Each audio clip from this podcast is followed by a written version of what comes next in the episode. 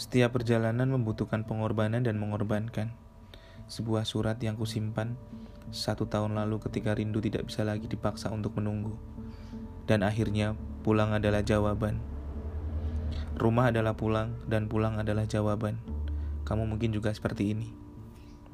Tiga tahun belakang, pulang adalah keputusan yang sulit untuk diputuskan.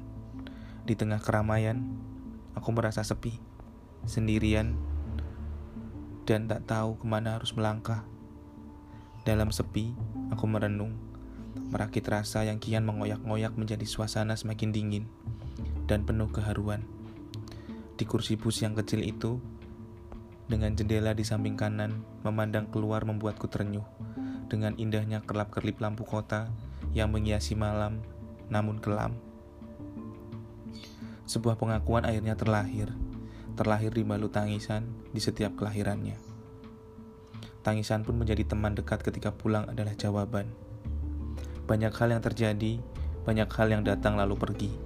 Kali ini saja, aku ingin semesta mendengar dan memberi tanda kepadaku bahwa sebenarnya pulang adalah jawaban. Dan kini aku sadar bahwa pulang menghidupkanku kembali.